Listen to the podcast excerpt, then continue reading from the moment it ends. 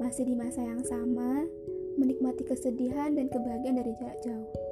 Ya, ini tahun kedua di mana kita harus tetap jaga kesehatan dan stay at home.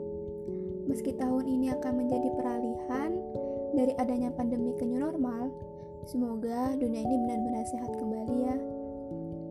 Sudah berapa berat menampung rindu karena pandemi? Sebenarnya aku bukan tipe orang yang bisa menyampaikan kalimat secara langsung. Aku lebih suka menyampaikan kalimat dengan tulisan. Curhat juga lebih sering diluapkan dalam bentuk tulisan. Karena apa?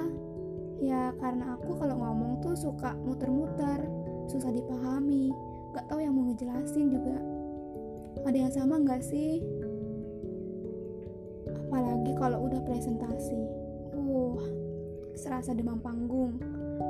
Sepaham apa pun materinya, kalau udah grogi, hilang tuh materi.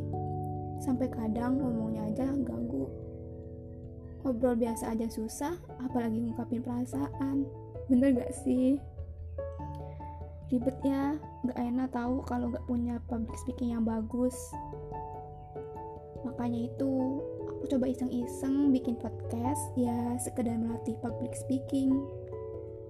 Ya, melatih secara virtual. Eh, bener gak sih? Anggap aja benar.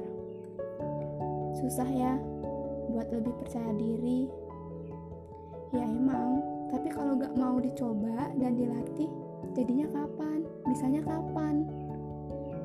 Ya, dari podcast ini aku berharap bisa meningkatkan public speakingku dan aku juga lebih percaya diri.